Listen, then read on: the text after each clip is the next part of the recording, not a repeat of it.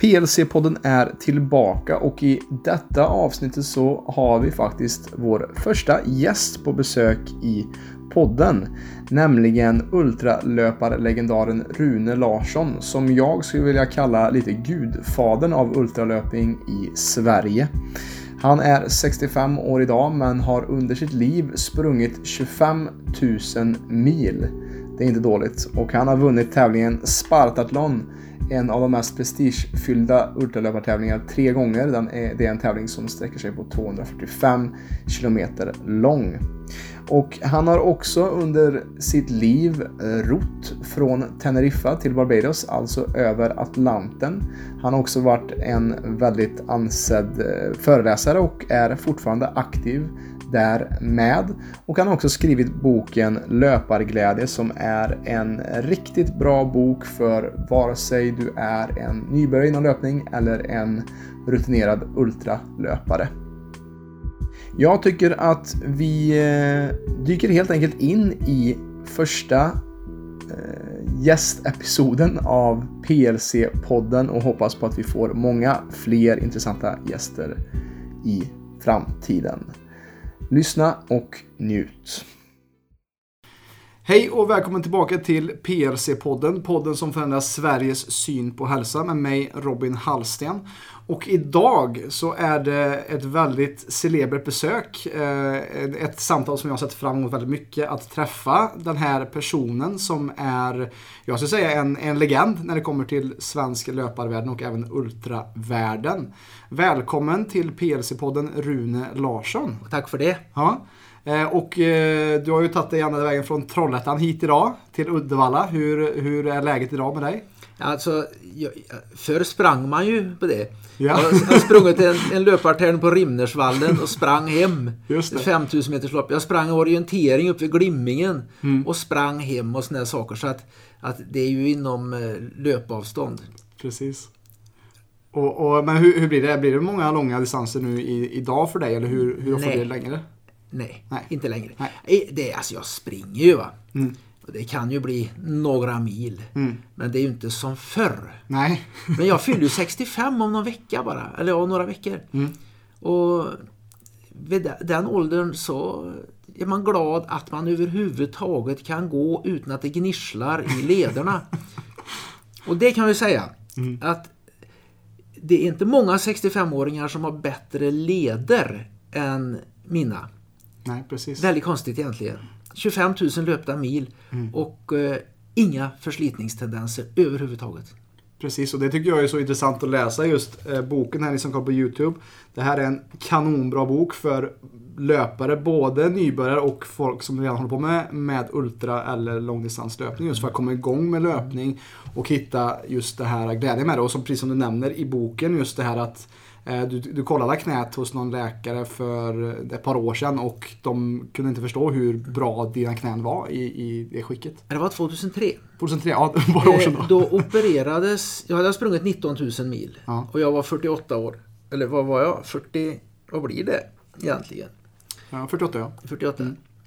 Eh, och jag var i, alltså då gick de in med artroskopi för att en del av menisken knäcktes loss då när jag precis kom i land efter att ha rott över Atlanten. Mm. För då hade jag ju inte på ett kvarts år inte gått ett riktigt steg. Va? Så att det var väldigt mycket som blev försvagat där och jag kunde inte hålla emot vridningar och knäckte menisken då. Och då tog de dels en röntgen på, och det kunde man se hur tjockt ledbrosket var. Mm. Och så tog de också och gick han in och kollade där hur ledbrosket ser ut. Då. Och han sa att det var ett fantastiskt ledbrosk. Det var på en 16-åring. Gammal gubbe då. Som... Det var riktigt bra faktiskt. Ja, det är inte illa. Nej, och då, då hade... Tänk dig alltså, tänk dig alltså du man är ortopedkirurg om det är och få titta in i ett 19 000 mila knä. Hur många har fått gjort det? Och nu när jag har 25 000 mila knän. Mm. Det, du, du har ju, det är nästan att du har rullat eh, längre än vad andra bilar har rullat nästan. Jag är ju föreläsare. Så jag föreläser för polisen. Och då hade jag sprungit 22 000 mil eller något sånt där. Mm. Och då, eh, då sa, berättade jag det att jag har sprungit 22 000 mil och känner fortfarande att jag är i toppskick. Då var det en polis som sa att Ja, vi byter ut våra bilar när de har gått 20 000 mil för då anses de att vara liksom eh, slut. Va? Redo att pensioneras. Ja. ja, ja. Men det, det, det är kul och eh, det är det som är så intressant också. Jag har lyssnat lite, gjort lite research, lyssnat på poddar just och läst din bok såklart också. Och det är så kul att höra just den här livsglädjen och livsentusiasmen som du verkar ändå ha och anamma. Och jag tror också det hänger ihop med just löpningen och den glädjen som du har, den här passionen just också. Men jag vill också att vi, vi startar, kommer tillbaka, alltså långt bak i tiden. Eh, jag, för jag vill också höra lite hur det var när du växte upp. Och, eh, för jag har ju eh, tagit reda på, jag har gjort lite research, att eh, din mamma heter Maj-Lis och Jaha. pappa heter Lasse. Jajamän. Och eh, min farfar Ragnar, som du känner till. Eh, han är ju en gammal orienterare. Han var nästan en sån här lokal legend. Precis. Eh, och, och han var ju ordförande för Okoroto i många år. Eh, och han sa det när jag, skulle, när jag sa att jag skulle eh, när jag skulle intervjua dig så sa han ja jag såg, jag såg Rune när han, var, när han var fortfarande i magen. Sa han. Så han, Ja. han såg din mamma när hon var gravid. Så det var lite kul att, att han varit med där. För att eh, likt min farfar så är också din pappa också orienterare. Ja. Eller håller, håller på med orientering i Flunderhof OK. Ja. Eh, Och det är också lite roligt för att Flunderhof OK är också en liten, en liten parentes med det. För att där var där jag gjorde mest yoga faktiskt för ett par år sedan i, i klubbstugan där. Så var det en som hyrde. Så att, eh, det var lite kul att jag också varit i Sjuntorp eh, men inte just löpt eller så. Eh, Men just det, det var lite, lite där det började för dig med Nej, det var där Oskar slog ner i mig. Oskar slog ner dig. Men det är en annan historia, men Okej. den är faktiskt... Ja, okej. Men, men det var, det var, du var aktiv i just Flunderhof? Nej. Nej, inte det heller? Det var så Nej. här va, att eh, min far han, han, ville gå, han ville vara med i de här budkavlelagen, Okej. stafettlagen. Han gick över till Trollhättans SOK och sen var det också så på den tiden att eh, mycket jobb fick man ju genom kontakter. Mm.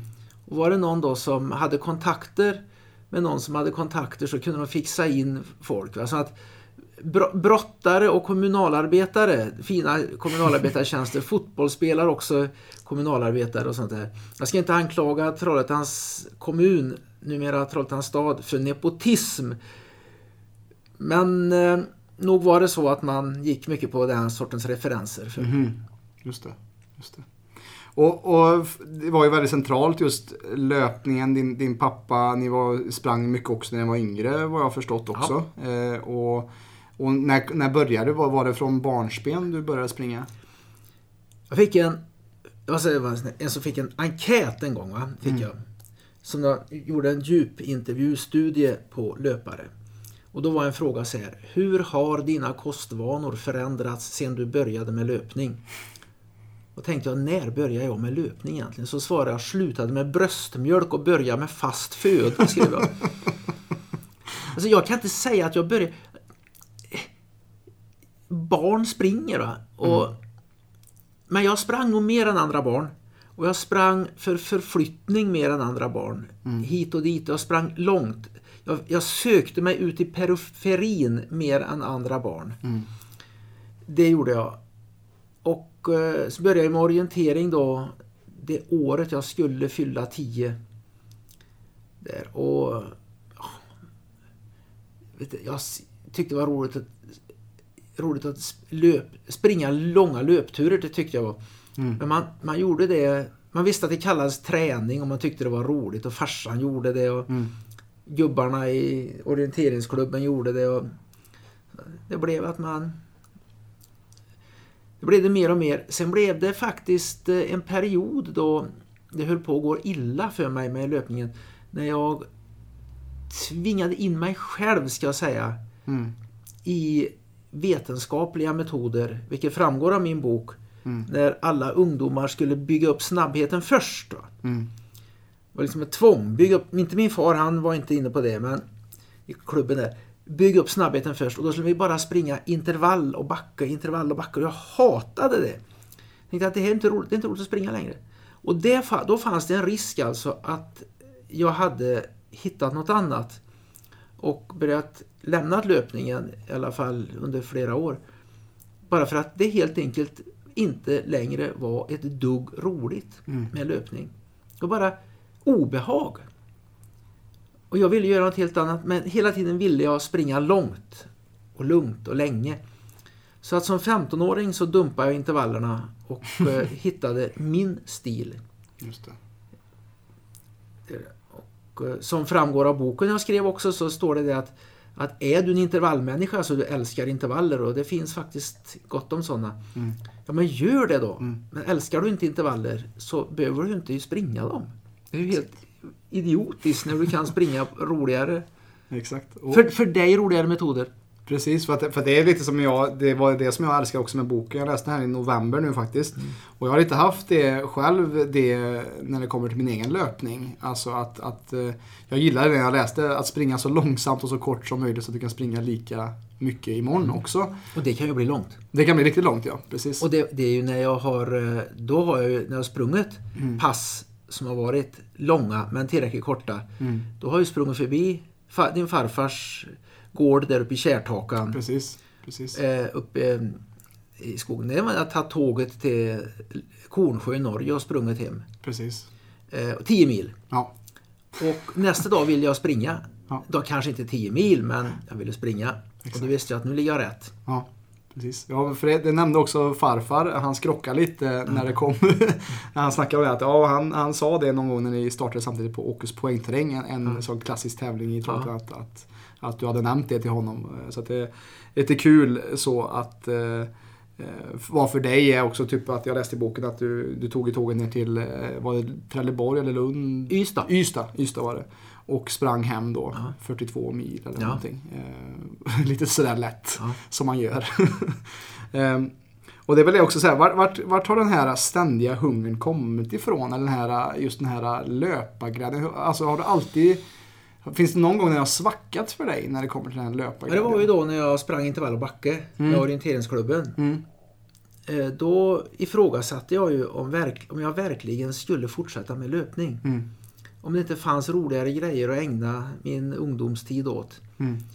Men anledningen till att den här, du säger, den hungern som du kallar det för, eller glädjen att springa längre. Jag tror att delvis kan det vara genetiskt, men det är- också så att jag har odlat lusten att springa. Mm. Jag vet att det var otroligt lärorikt den här eh, in, intervall och backperioden i mina nedre tonår då. Mm. Bygga upp snabbheten först över greppet som jag kallar det för. Mm. För mig var det nästan som ett övergrepp att vuxna ville tvinga in mig på en träningsmetod som jag absolut inte tyckte om. Mm. Och de fattade ju inte risken som fanns med detta att jag helt enkelt bara ville göra något annat. Ja. Eh, Men i och med att jag visste att det kan bli så att man kan tappa lusten så har jag odlat lusten. Mm. Och jag hade liksom att jag sprang aldrig rundbanor så här på träning. Aldrig. Jag sprang aldrig fram och tillbaka på samma väg. Jag sprang aldrig eh, samma runda två gånger samma vecka. Mm. Om det fanns alternativ. Och de hittade jag ju med topografisk karta. Och undersökte ju hela bygden. Jag kan lova dig att runt Trollhättan sätter man passaren på mitt hus där jag bodde i Trollhättan när jag växte upp. Och så går du ut åtminstone två mil. Och nu är, överdriver jag inte. Där har jag sett vartenda hus skulle jag vilja påstå. Mhm. Som är. Och jag lärde mig namnen på gårdarna, bondgårdarna borta i periferin. Mm. Eh, därför att det var mycket, det, det var mycket, man fick en mer relation till bygden. Och sen skrev jag ut min dagbok också beskrev alla löparrunder.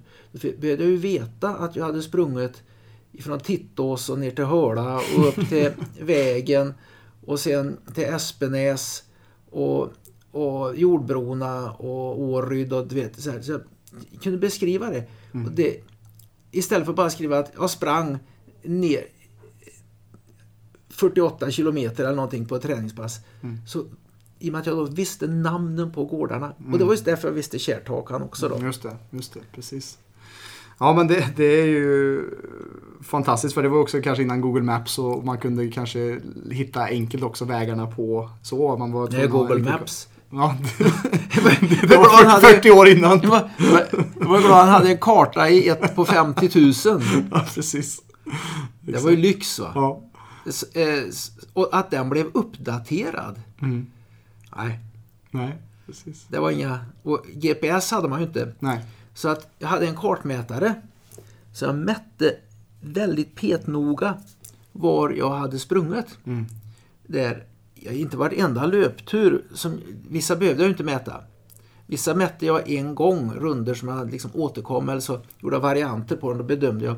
Och sprang jag rakt genom skogen, då visste jag med så kallad död räkning att, att om jag har sprungit till exempel 20 minuter rakt genom skogen, då har jag sannolikt kommit kanske 6 kilometer beroende på terrängen, eller eh, inte 6 kilometer men drygt 3 kilometer va? beroende på hur terrängen har sett ut. 6 minuter på kilometern och så lägger man på lite. Och, eh, att, och så alltid försöka se till så att jag inte tar till i överkant. och när jag sen fick GPS jag fick en GPS i se- 50-årspresent. Då kollade jag upp mina gamla löpturer, de är alltså ofta sprungna. Och då visade det sig det att kartan mätte för lite distans. Okej. Någon liten, liten procent. Man kliver med det här mäthjulet på kartan då, över krökar och knixar. Så det är 25 000 plus mil då egentligen. eh, Om man kollar på, på din, eh, vad du har gjort. Ja, det är ju liksom... eh, Det var ju också det att jag räknar ju inte... Om ett löppass var kortare än 8 kilometer så räknar jag inte in det. Nej, okej. Det var inte löp, det var inte träningspass. Va? Det var inte, Nej. det, sprang sju och en halv, nej det räknas inte. och det, det är sån här felräknings eh, kilometrar kallar jag för. Om jag skulle ha överskattat någonting då, så, så går det i den kvoten. Ja, just det. Just det. Ja, för, för 8 kilometer för många är ju det ett, ett stort steg för de som inte är löpare som har gjort det. Så att min nästa fråga är lite, vad, vad är ditt bästa tips för någon som inte har löpt ett steg tidigare och eh, hur kommer man igång med löpning enligt din mening? Vad är bästa sättet? Innan jag svarar på det ska jag säga att idag är 8 kilometer fullt godkänt som träningspass för mig, med marginal. Men det bästa knepet att komma igång med löpning, det är att eh, helt enkelt bara ge sig ut och lufsa tills det tar emot. Och när det tar emot, då eh, eh, växlar man från trav till skritt så att säga. Va? Då går man lite. Så provar man igen och springer lite till och när det tar emot så börjar man gå igen och så håller man på så. Gör så en rätt kort runda. Och sen går man upp och är jättenöjd att man verkligen gjorde det. Det var, det, det var början. Och sen gör man det samma sak och samma sak och samma sak. Och då kommer man att finna att det tar emot senare. Jag kommer längre innan det tar emot. Jag behöver inte pressa mig. Eh, och till slut så springer man hela rundan och till slut så springer man längre. Och får inte ont förhoppningsvis. Ett fel många gör det är just det att de har lärt sig att löpning är en fullfartsaktivitet. I skolan gick det på betyget. Ja, kom igen nu, nu springer vi. Cooper-test 12 minuter. Brutalt. Eller terrängbanan. På fotbollsträningen, då gällde det att inte mygla minsann. Myglar du så jäklar, då blir du bänkad i matchen. Va? Kom igen. I det militära, där var det ju att du orkar dubbelt så mycket som du själv tror och tio gånger så mycket som mormor tror. Kom igen nu. Blodsmak är gott. Eh, och man har inte fattat att löpning är, många har inte gjort det i alla fall, att det är en, eh, ett behagligt förflyttningssätt. Behaglig träningsaktivitet. Men sen när man har gjort det och kroppen har vant sig vid löpning, det kan ta ett antal månader, man ska inte ha bråttom. Då eh, kommer man springa längre och då kan man springa fortare. Man ska låta det liksom sköta sig självt. Det är mitt råd alltså. Och jag tror inte att det finns något råd som har större chans att fungera än just detta. Gå ut och känn dig för, men pressa dig inte. Därför att pressar man sig, det är då det finns en risk för att man använder muskler som inte är redo att användas på det sättet i den omfattningen.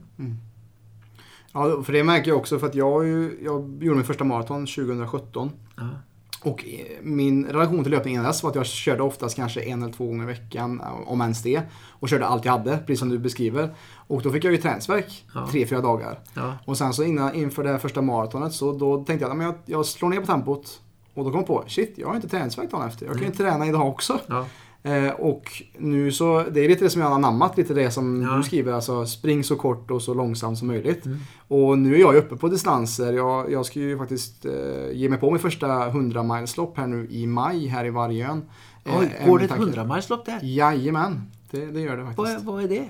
Det är eh, The Vargön Trail Marathons som är eh, Ingemar Sandberg som anordnar det faktiskt. Så att eh, det är lite litet rip-off på Barkley Marathon som du kanske har hört talas om. Jajamän. Ja. Är, är det sånt, ska det vara omöjligt att fullfölja det också? Eller, eller mycket, mycket svårt? Mycket svårt ja, men han hade förra året också. Och då var det faktiskt några som fullföljde tror jag. Så att, redan där så lyckades jag inte som tävlingsarrangör då att få folk att bryta. Men det, Nej. Det, det ska Nej, bli men, kul. men det geniala med, med Barclay, jag tror det pågår nu förresten. Ja, det gör det faktiskt. Mm. eh, att det är det att, att det ska vara nästan omöjligt men några få ska kunna Mm. fullfölja. Vem som helst kan göra ett lopp som ingen kan fullfölja. Mm. Det är inte svårt. Men ett lopp som är så svårt men ändå bara några, då blir det som en trofé att överhuvudtaget ha kommit långt i ett sånt lopp. Och det Exakt. Hoppas jag att de lyckas med på Vargön. Vad heter det? Vargön? The Vargön Trail Marathons. Så Vargön det, det är Trail. nästan samma The Barkley Marathons.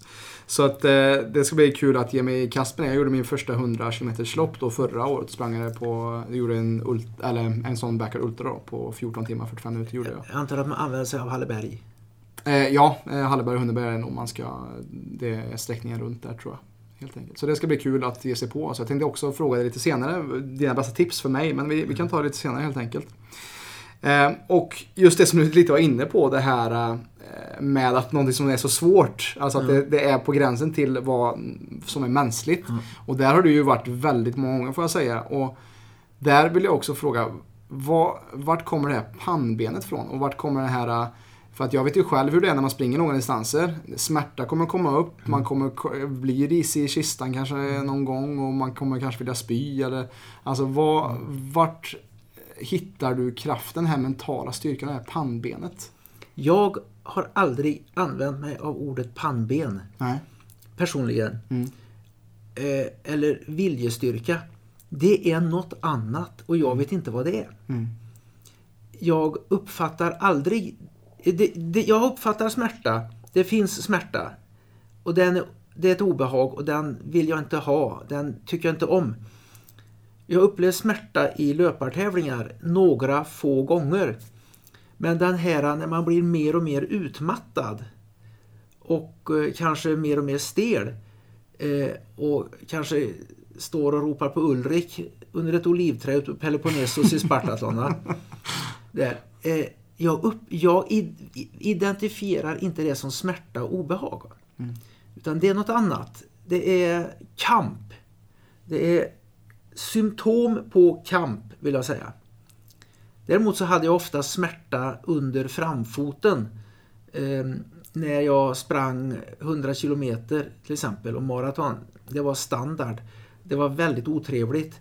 Eh, det tog väldigt mycket psykisk kraft att hantera den smärtan för det var inte den kom av någonting jag inte förstår varför jag fick det. Eh, Vissa sorters skor fungerar bättre och andra sämre. Eh, och eh, milda makter var ont det kunde göra. Det var smärta. Och det var ingenting. Men däremot det här när man är jättetrött och öm i hela kroppen på grund av som jag säger, symptom på kamp. Mm. Det välkomnar jag. Mm. Ultradistanslöpning skulle inte vara, ha sitt fulla värde utan en enorm kamp. Och det är inte pannben, det är liksom att man är sån här tjurigt. Det är något, det är något annat. Det, det stämmer inte med min definition av pannben det jag har Mm. upplevt. Pannben hade folk i lumpen va, men Mm. nej, det, Man ska trycka sig igenom någonting kanske. Ja. För, för det är det som jag tycker är också så intressant. För jag har också blivit biten av den här ultralöpningen. ja. Och eh, det är många, många kollar ju på oss som idioter. Så här, vem, vem hade velat utsätta sig för det här eh, medvetet? Men för mig ligger det också den här tjusningen i det här eh, just den här belöningen efteråt. När man har gjort någonting storslaget, när man har överträffat sina egna förväntningar och man har kunnat eh, slutföra ett längre lopp som jag kan tänka mig. Du har ju gjort Spartaton tio gånger är det va? Jag har fullföljt det tio gånger, tio gånger. startat elva. Startat elva, okej. Okay. Mm. Eh, det är ju så. Eh, startat elva. Det var en gång, då bröt jag. Mm. Och då hade jag kunnat pannbena mig, om man får använda det, genom loppet. Ja. Men det kändes inte friskt va. Det. Eh, och med ut, utan att ångra mig efteråt bröt jag. Mm. Efter 16 mil. För det var någonting som kändes fel inne i kroppen. Förmodligen någon, något liknande feberkänslor. Va? För jag hade fått en mag och komma då. Att man blir dålig i magen på grund av att man packar in för mycket mat. Det är standard operating procedure alltså att hantera. Mm. Men det här var något annat. Det var feberkänslor och frostbrytningar och då. Och att springa med sånt då är det... Ja, jag ledde ju loppet väldigt länge där. Alltså. Mm, mm. Men det, nej, inte rätt. Det är ju intressant att kunna skilja på smärta och smärta där också ja. kanske just i, i, i den aspekten. Eh, men, men det är det som är så intressant för att jag är också intresserad på hur... För när jag ser någon göra det som du har gjort i så många år också, så ser jag också att man kan översätta det till vanliga livet. Att ju mer man kan tåla någonting som är obekvämt och som gör kanske ont och som är någonting som inte vanliga människor gör. Hur tycker du att det har påverkat din personal, eh, personlighet och vad har det gett dig i, alltså vad, hur har det översatts till ditt vanliga liv? I, eh, det, jag antar att det har satt mycket i perspektiv när det kommer till annat lidande kanske i, i livet. Men kanske lidande kanske inte är rätt ord heller där. Ja, det var...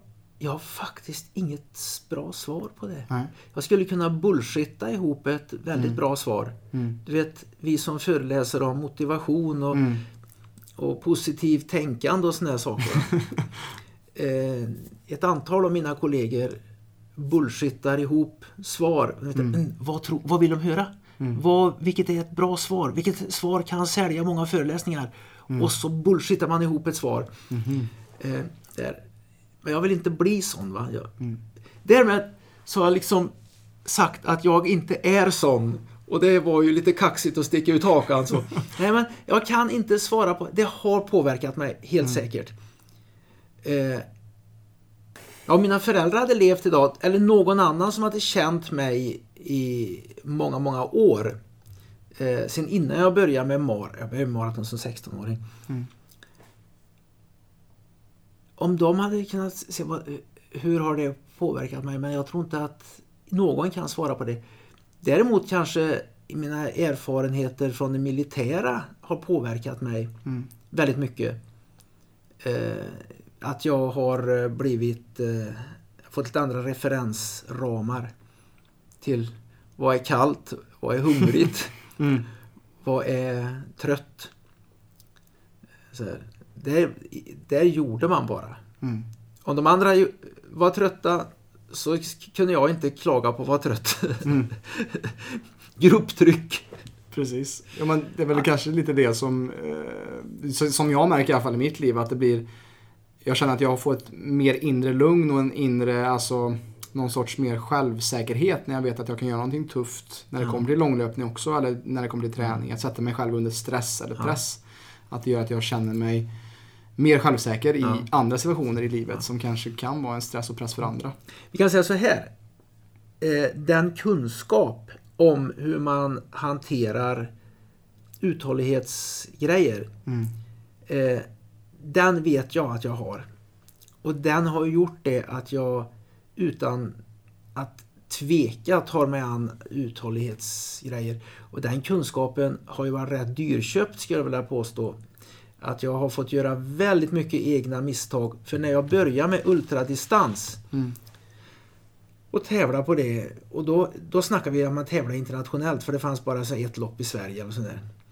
1987 var det 17 svenskar som någon gång under året sprang ett lopp längre än maraton. Tänkte det. Det fanns en löp, ultratävling i Sverige, 100 Mm. km lopp. Mm. Ett enda 100 km och ett, ett enda längre maraton.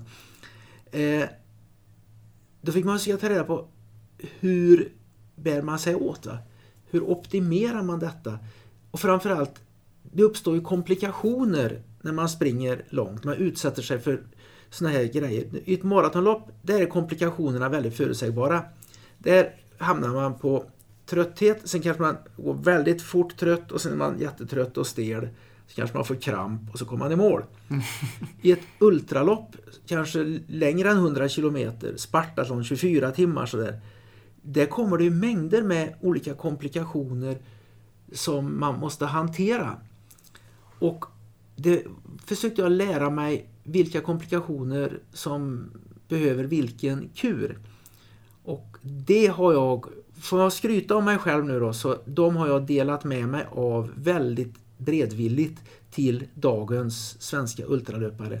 Och de vet kanske inte var kunskaperna om det ena och det andra kommer ifrån. Men de kanske kommer från början från mina misstag, mina kollapser, mina lopp som gick helt snett. När jag inte fattade att det där berodde på saltbrist. När jag inte fattade att i det läget borde jag isat ner benen eftersom venerna hade låst sig i ett utvidgat läge. När jag inte fattade att den där mörka illaluktande urinen jag hade i 24 timmarsloppet i Basel var något som kallas rabdomyolys och borde signalera att man omedelbart skulle sluta.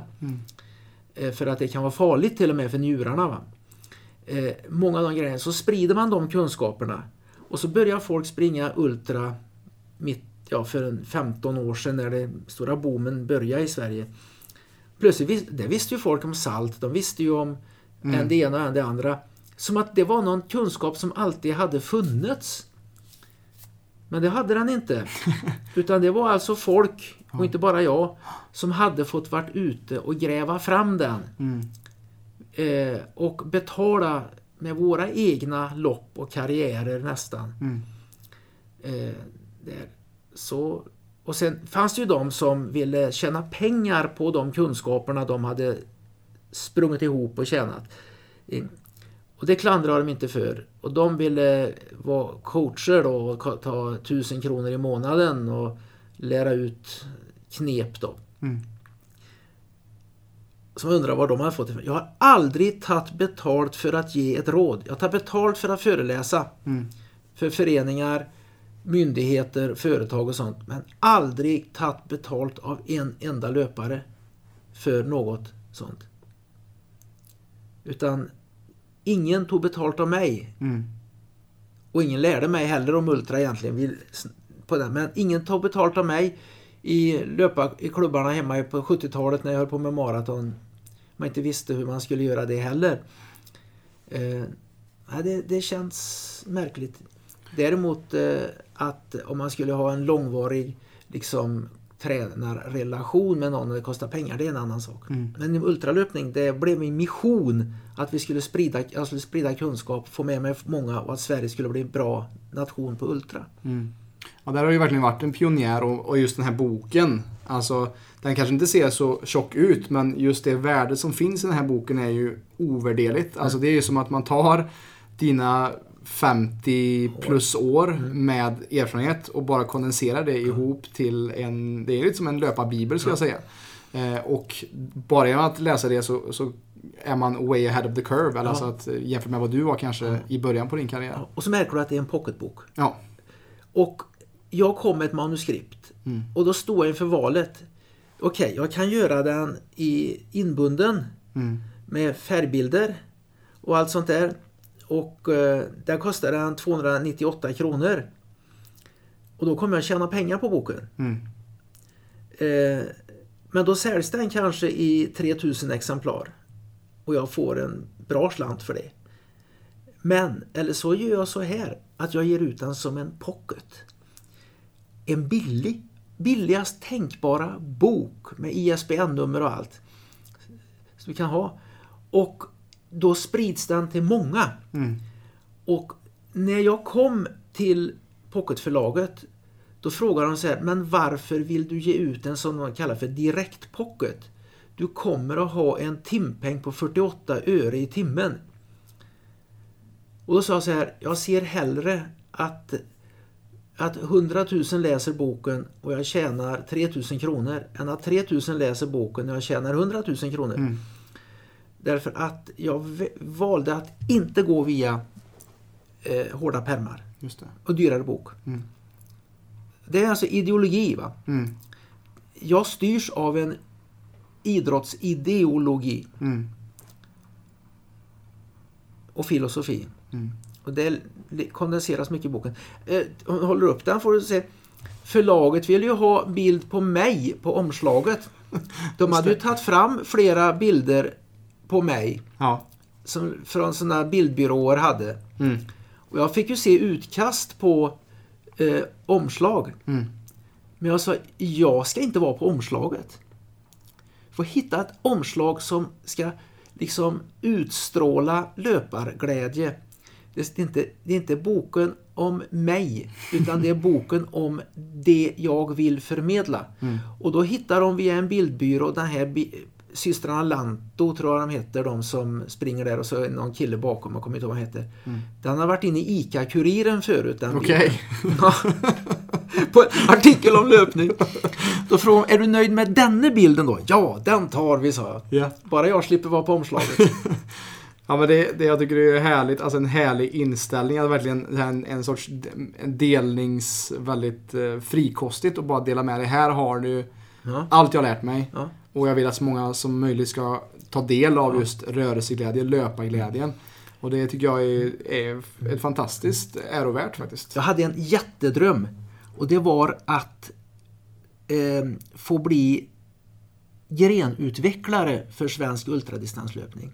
Svenska friidrottsförbundet ville ha en grenutvecklare. Och det jobbet skulle jag ha gjort precis som jag gjorde med så mycket andra jobb som hade med ultra att göra. Jag har lagt tiotusentals kronor på att åka, föreläsa gratis, hjälpa till exempel Jonas Bud och Kajsa Berg att få elitstöd från Riksidrottsförbundet. Då måste de ha, eh, vi ultralöpare ha en, en sån här, det kallas för kravprofil. Vad krävs för att de ska bli bland de bästa i världen? Och det var väldigt omfattande jobb med det. Fick vi träffa fysiologer på, som Riksidrottsförbundet hade, idrottspsykologer, vi fick skriva mycket. Åka till mycket möten fram och tillbaka. Inga pengar fanns. Jag betalade mina egna tågresor och hotellövernattningar för det. Och sånt.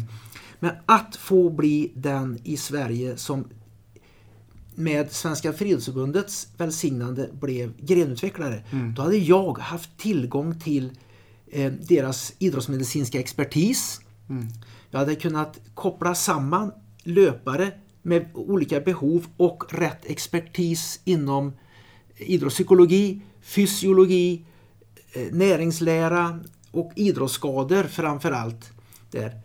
Eh, där. Och jag hade väldigt klara ambitioner för det och såg ingen som helst, precis som med detta, ambition om att sko mig själv och tjäna pengar. Jag ville bara göra det jag hade gjort sedan mitten på 80-talet. Där. Utan att få betalt, utan att, om man gör det på eget initiativ, när nu med Svenska friidrottsförbundet eller Riksidrottsförbundets välsignelse. Men när det kom till att jag skulle ha det, då hade det blivit kotterier inom ultradistanslöpning i Sverige, fraktioneringar, som lagt beslag på olika grejer. Och jag vill inte vara med i de där. Okej.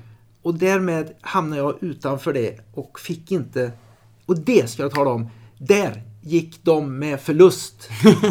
För de tappade dig helt Ja, de tappade mig. Ja. Jag har inte haft någon kontakt med dem sedan dess. Nej, precis. Nu är det bara enskilda löpare som kontaktar mig. Eh, som jag... Då hjälper jag dem. Men de här kotterierna och eh, kompisgängen som la beslag på olika...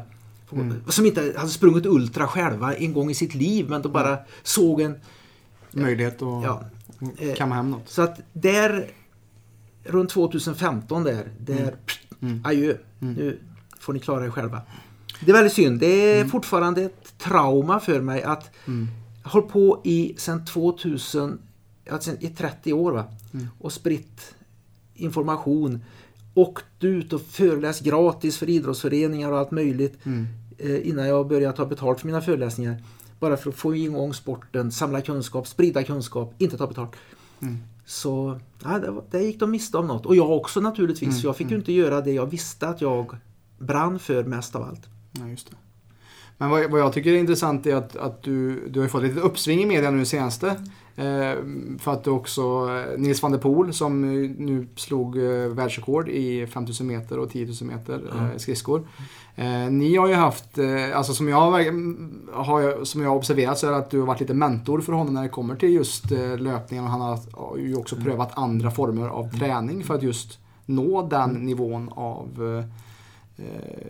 ja, eh, elitnivån där i, i eh, skridskoåkningen. Kan du berätta lite om, om er relation kanske? Ja, Han, han säger ju själv att han har läst min bok och blivit inspirerad av den. Mm, mm. Men för det första så jag bara säga det att, att eh, Nils och hans tränare Johan Röjler Mm. och hans tidigare tränare, jag kommer inte ihåg vad hans tidigare skridskotränare också som har gjort ett fantastiskt jobb med Nils och hans, hela skridskoklubben Trollhättan. var. Det är ju de som ska ha all ära. Jag har varit väldigt perifer i Nils eh, utveckling till att bli världens bästa skrinnare. Jag vill inte ta åt mig en ära som inte är min. Men det var så att han skulle hålla ett föredrag för Rotary hemma i Trollhättan. Ja, det var, jag, vet, jag kommer inte ihåg vilket år det var, men det är ett antal år sedan. Och då var det en där i Rotary som visste att jag föreläste. En som jag kände. Kan inte du snacka med han den där skridskoåkaren Nils van der Poel? Så vi kontakt, jag kontaktade honom, eller han kontaktade mig på deras uppmaning då. Så vi åkte ut till min sommarstuga där ute i Öresjö här utanför och vi satt och snackade. Men det klickade väldigt bra. Jag, jag blev väldigt imponerad av honom fast han kanske bara var, då, jag vet inte hur mycket han var, kanske 20-21 år. Tänkte den här killen har ju tänkt. Den här killen är ju, upp, han, är- han är ju inte stöpt i fel form om du förstår vad jag menar. Mm. Eh, så jag var väldigt imponerad och vi utvecklade en slags kompisrelation mellan oss. Och vi sprang en del ihop och pratade väldigt mycket tränings och tävlingsfilosofi. Gjorde vi. Eh, och så han, Nils har ju varit sån så att han har ju sökt upp kunskap från alla håll. Mm. Och vad en person som jag i mitt läge aldrig får göra och ska göra, det är att gå in mellan en idrottsman och dennes tränare och utså tvivel. Är vi på rätt väg? Har, är min tränare, finns det bättre metoder än den min tränare och jag har kommit överens om? Det får man aldrig göra. Jag svarar bara på frågor som Nils ställde till mig. Okej. Mm. Jag gick aldrig ut och sa till Nils, du borde så och så och så och så. Väldigt viktigt. Jag har ju studerat coaching och eh, idrottskunskap på ett universitet i San Diego i tre år. Och eh, då lärde man sig sådana här saker. Att trust, som det hette. Trust is the greatest asset. Så. Alltså, förmågan att lita på det man gör och på sin tränare och på sig själv är det stora kapitalet. Och det får du aldrig eh, gå in och förstöra för någon. Ja, just det. Ja, men det är ju väldigt fint tänk liksom att, att, eh, att inte så tvivel i någon annan såklart. Och, Nej, precis. Eh, och eh, på tal om San Diego då också, det var ju intressant tycker jag att du kom in på det också. För att det är en sak jag ville prata lite om också i den här intervjun just för att det var ju där du slog ditt maratonrekord. I Boston faktiskt. Var det Boston? Men det var under den perioden va? Under den perioden. Perioden. Och två och, vad skrev jag? 18. 2.18 ja, har jag skrivit upp här ja. Och det är ju en makalös tid. Eh, Men vad jag också är intresserad av, för jag är också mycket eh, intresserad kring mental träning. Jag Ja. håller också för våra klienter som jag jobbar med, meditationer och yogapass. Eh, Och jag är jätteintresserad av kring den här mentala träningen och hur du också i en annan podd, i Framgångspodden faktiskt, Ja. eh, skrev, han frågade dig om du skulle be någon göra någonting 10 minuter per dag så var det inte löpning utan det var avspänning eller avslappningsövningar. Kan du berätta lite just den här mentala träningen och avslappningen, hur mycket det har betytt eh, just för löpningen och kanske också för ditt liv också?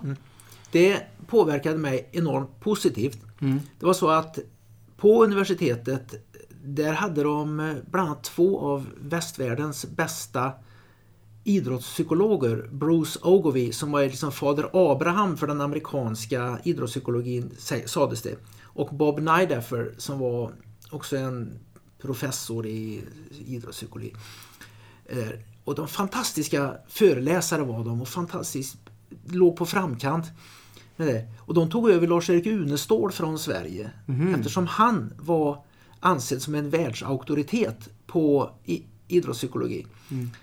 Och, men de samlade kring sig en massa smarta doktorander och sånt. Då var det en som hette Howard Goldberg som var längdskidtränare uppe i Vermont och kunde konditionsidrott. Han doktorerade i vanlig klinisk psykologi eh, men med intresse för prestationspsykologi. Så att han frågade om han fick träna sina kunskaper som han hade lärt sig då i den här psykologiutbildningen på doktorandnivå han gick. Och vi var sju terränglöpare som fick erbjudandet. De andra sa I'm not a mental pygmy. I don't need a shrink. Och sådär. Och att det, någon tyckte till och med att det var fusk med mental träning. Okej. Så det, det är nästan som ett 1800-tals argument. Va? Ja. Och jag tänkte så här, varför bommar jag alltid näst sista kontrollen på alla orienteringstävlingar jag någonsin har sprungit? Det måste finnas ett fel i mitt huvud. Jag måste, nu snackar vi inte drivrutiner då, 1981 när detta, eller 80 var det faktiskt, när detta hände. Eh, Men någonting måste vara fel i drivrutinerna i min skalle. Eftersom jag alltid gjorde samma misstag. Och visste om att jag skulle göra samma misstag, men gjorde det ändå. Och jag tackade ja. Och då körde han avslappningsträning med avspänning. Möt ansträngning med avspänning. Och det hade jag aldrig fattat hur ofattbart värdefullt det var. Tidigare så var det ju det att jag mötte ju ansträngning med anspänning istället. Mental anspänning, stressen gick upp. Ja. Och, eh, eller, eller fysisk anspänning. Att man, ja, ta i mer då, ta i då. Pannbenet. Och, ja, ja, pannbenet. Och kom man, alltså om man skulle sprungit i mål på ett, eh, ett 5000 meters lopp fullständigt mättad med mjölksyra men med avslappnat ansikte och avslappnade händer. Då hade folk sagt att, att ja, det var ju, du var ju inte ens trött. Du gjorde ju inte ditt bästa. Då blir det så att då skulle man i och grimasera för det gjorde Emil Satopek i OS 1952. Såg du på bilden? Ja. Och det var så va. Och sen hade jag som orienterare som jag började med vant mig vid att springa och hålla något i mina händer. Ja. Kartan i vänster hand, kompassen i höger hand. Så jag hade vant mig att springa med spända händer. Men Howard, han, tog, han lärde mig identifiera de här felen. För det är ju så, det var inte han som tog bort min spänning. Det var han som visade mig vad jag gjorde för fel och gav mig ett alternativ. Som jag då tog till mig av. Och han lärde mig avspänningsträning och till och med, han körde vanlig hypnos på mig. Jag var väldigt lätt lätthypnotiserad. Det sägs att om man har stor koncentrationsförmåga kan man lätt gå ner i hypnos eftersom koncentration, hypnos är en form av koncentration. Jag lärde mig självhypnos och eh, avspänningsträning och det liknar det som då pratades om autogen träning. Att du kan liksom slänga bort olika kroppsdelar. Så här, va? Slänga bort den armen, slänga bort den armen, slänga bort benen och sen var de helt avspända. Och man kom då alla störsignaler va, som ligger och plaskar i en människas hjärna. De försvann. Och man fick en enorm tillgång till att visualisera till exempel en löpartävling eh, som man skulle göra. Och eh, det var bara en, alltså jag kunde liksom köra som i en simulator uppe i huvudet ett 10 000 meters lopp eller ett maratonlopp. Och veta hur jag skulle hur jag skulle bemöta anspänning, problem med avslappning. Genialt. Så jag slängde mig 10 minuter minst om dagen på sängen i mitt studentrum och körde igenom hela kroppens avslappnings bara. Började alltid med vänster hands fingertoppar för det var det så Howard lärde mig. Okej. Det var en varm sirap som flöt genom kroppen så här och tog bort all spänning på sin väg. Och sen visualiserade jag en trappa med 10 trappsteg med tjock heltäckningsmatta Mm. Som jag gick ner för tills jag var ända nere. Och då var jag, låg jag väldigt avspänd Och då kunde jag liksom inte förnimma att det fanns någon muskel anspänd som inte skulle vara det. Mm. Sen lärde jag mig springa utan handbromsen dragen. Okej. Du ja. förstår vad jag menar? Mm, ja, ja.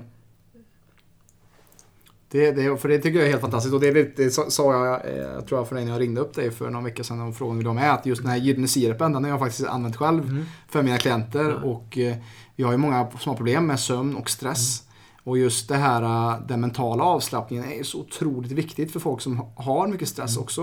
Eh, Det här med idrottspsykologi är också någonting som jag också tog fasta på. Ja. Jag var livrädd när jag skulle spela division 5-fotboll i Frändefors IF när jag var 16 år. Ja. Eh, Men via just en mental coach så fick jag också tillgång till ett ljudband för att lyssna på, för att slappna av och visualisera mig själv att lyckas istället för att misslyckas och spänna mig. Ja. För att ofta när vi spänner oss så är det också då vi också, att det går fel. Eller att man, som du säger kanske att, att man missar sista kontrollen på orienteringen för Ja, att man har... Näst sista. Jag kunde inte missa siste. Nej, För att då då, ut. Då, då kunde jag gå in på snitsel bakvägen. Just Då det. fanns det tekniker att alltid ta sista kontrollen. Men näst siste, Ja, det var alltid den jag missade. okej. Mm. Så att, att ja, du, du förstår vad jag menar. Mm. Nej. Och det är intressant hur mycket man kan styra med hjärnan också. Ja. Och, och, och hur mycket hjärnan verkligen, att, att den som du beskriver i boken också, att du svettades nästan och hyperventilerade. Ja, som att du nästan. sprang. När, när jag körde den här, när Howard tog ner mig i hypnos Mm. och jag visualiserade det här 10 000 meters loppet som jag skulle springa. Mm. Och han spelade upp olika scenarier och han läste mig runt banan i 74 sekunder på varvet, vilket skulle motsvara 30 och 50 på 10 000. Mm. Jag sprang på 30-35 sen. Men ändå. Och spela upp scenarier som kunde hända. Knuffar, någon rycker, va? oro i klungan, håller på att snuppla, du vet så här. But you keep running well within yourself. Mm. Och det gick in att så fort något hände så I went well within myself. Istället för att vad, vad, vad, vad är det som händer nu? Oj, oj, oj, nu kommer något på att hända. Nej men nu går tåget här. Så här utan helt lugnt. Bara gör det du ska göra. Mm. Eh, enormt effektivt. Och det behöver du inte vara utbildad idrottspsykolog för att eh, lära ut till folk Nej. eller göra med folk. Däremot hypnos skulle jag vilja säga. Då går du in på ett område där du kan hitta grejer i det undermedvetna som inte... Jag ägnar mig aldrig åt hypnos om man ska lära ut detta. Mm. Men gränsen mellan djupavslappning och hypnos är flytande. Vissa Mm. under djupavslappning går in i hypnotiskt tillstånd. Det är då det är viktigt att man inte går in och berättar för dem hur de ska tänka och Precis. se. Men Howard han var ju skärpt psykolog. Sen tog han mig ur hypnosen naturligtvis. Jag sprang inte hypnotiserad. Nej. Det, det är inte bra. Nej. Då blir det som de amerikanska simmarna. När amerikanerna alltid sedan Johnny Weissmullers tid dominerat simsporterna. Och då, då var plötsligt kom australiensarna. Om det var på 60-talet eller när det var. Och blev bättre än amerikanerna. Och det var ju helt otroligt. Va- Varför är de det? Och då gick det ett rykte att de är hypnotiserade, att det är hajar i bassängen. Men då tar vi hit, det var ju universitetsidrott då, de, Ja. tar vi hit, har ett på Psychology Department någon eh, psykolog här som hypnotiserar simmarna. Upp på 200 meter frisim, upp på startpallen. Simma så de plana, men de vände ju inte, vet du, de svingade sig upp. De vå- vågade inte vända för det var ju hajar. Ja, det är inte bra. Men man lär sig. Man lär in under hypnos. Mm. Och sen eh, så får man... Eh, liksom, man kör simulatorn? Ja, Men sen kör du ohypnotiserad. Mm, mm. Och, och det är någonting som jag också gjort många år, alltså sen jag var upptäckte det jag, sen jag var 15, så jag har ju snart 15 år hållit på med just också målbildsträning och den biten för att just också eh, tysta ner alla de här negativa tankarna som Ja. också brukar komma när det kommer till när man ska ha skarpt läge. Oavsett om det är när det kommer till idrott Mm. eller om det kommer till också eh, andra möten med människor som man kanske Ja. Mm. tycker är jobbigt och obekvämt. Eh, har jag använt det faktiskt så. Eh, jag tycker vi går vidare Rune med att eh, snacka lite kring också just eh, något som jag har hört dig säga också i andra föreläsningar. Det här när det kommer till målsättningar. Att jag vill, jag tror på det och jag betalar priset för det. Ja. Kan du beskriva för mig och för de som tittar och lyssnar vad du menar med, eller vad, om du kan packa upp detta för, för de som lyssnar och kollar på detta? Och ska jag först berätta med att credit where credit is due, som också man lärde sig i USA. Ja. Så att akademisk oärlighet är att knycka någons citat eller idé och göra den till sitt eget. Då vill jag säga det att detta fick jag ifrån svenska rekordhållaren på 100 meter, Peter Karlsson. 10.16 eller 10.13 har han faktiskt sprungit på. Men då blev det inte riktigt rätt rapporterat. Okej. Jag gjorde en, skrev en artikel om honom i jag, han som Sveriges snabbaste man och jag som ultradistanslöpare. Det var många, många år sedan nu. Det var när han fortfarande var aktiv. Eh, om eh, eh, som, som Sveriges... Rubriken blev i alla fall Haren och sköldpaddan. ja, det var roligt. Oerhört imponerande person, Peter Karlsson. Oerhört, lärde mig mycket av honom. Han sa så här att, för man var ju inne på detta med Lars-Erik Unestål som jag är en stor beundrare av. Han körde med sitt ett mål, det ska vara S-M-A-R-T, smart. S specifikt, A, eh, SM mätbart och så vidare och T tidsbestämt, hela det. Eh, men Peter Karlsson sa, ett mål i min värld, sa han, det är något du vill, något du tror på och något du tänker göra. Och alla komponenterna ska vara där, annars havererar målet. Va? Och det var liksom att, du sa det, där kör vi, det, jag köper den idén. Jag, tack Lars-Erik Unestål, du har fortfarande rätt, men det här kommer i framtiden att bliva min melodi som Karl XII sa när han steg i land i kulregnet.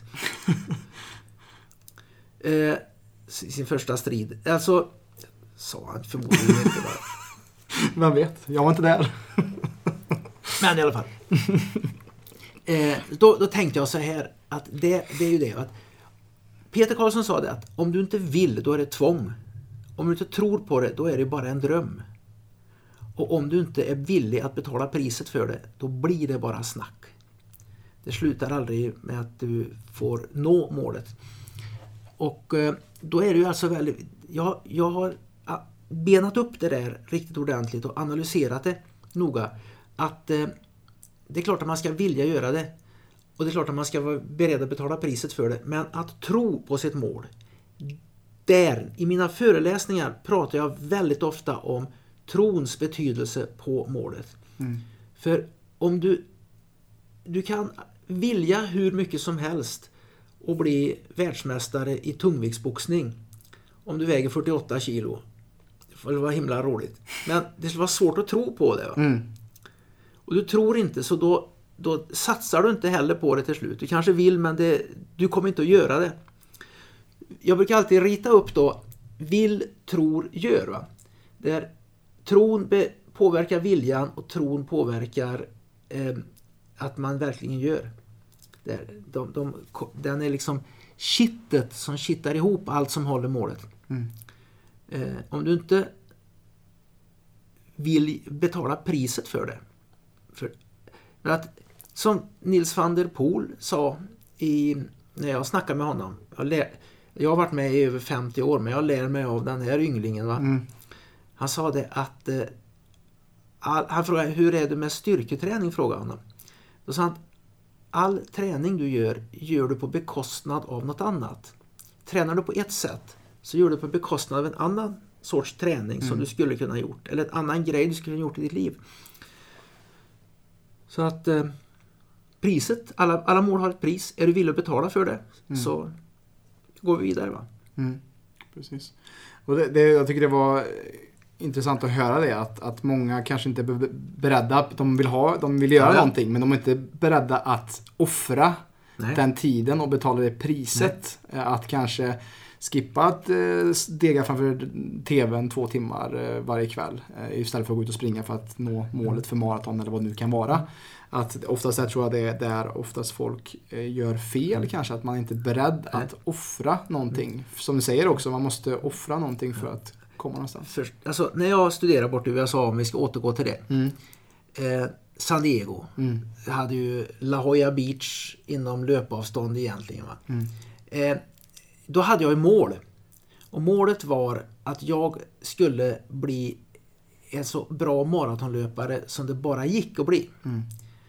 Eh, och jag visste, jag trodde att jag skulle kunna bli bra, men inte så bra som jag faktiskt blev. Det trodde jag ärligt faktiskt inte förrän jag blev det. Alltså, alldeles innan jag gick under 2.20 trodde jag inte det, men Nej. sen fick jag bli övertygad om det. Fattar du hur många gånger det gick bilar och såna här vans ner till beachen? Eh, ner. Eh, vi ska ner till beachen, hänger du med?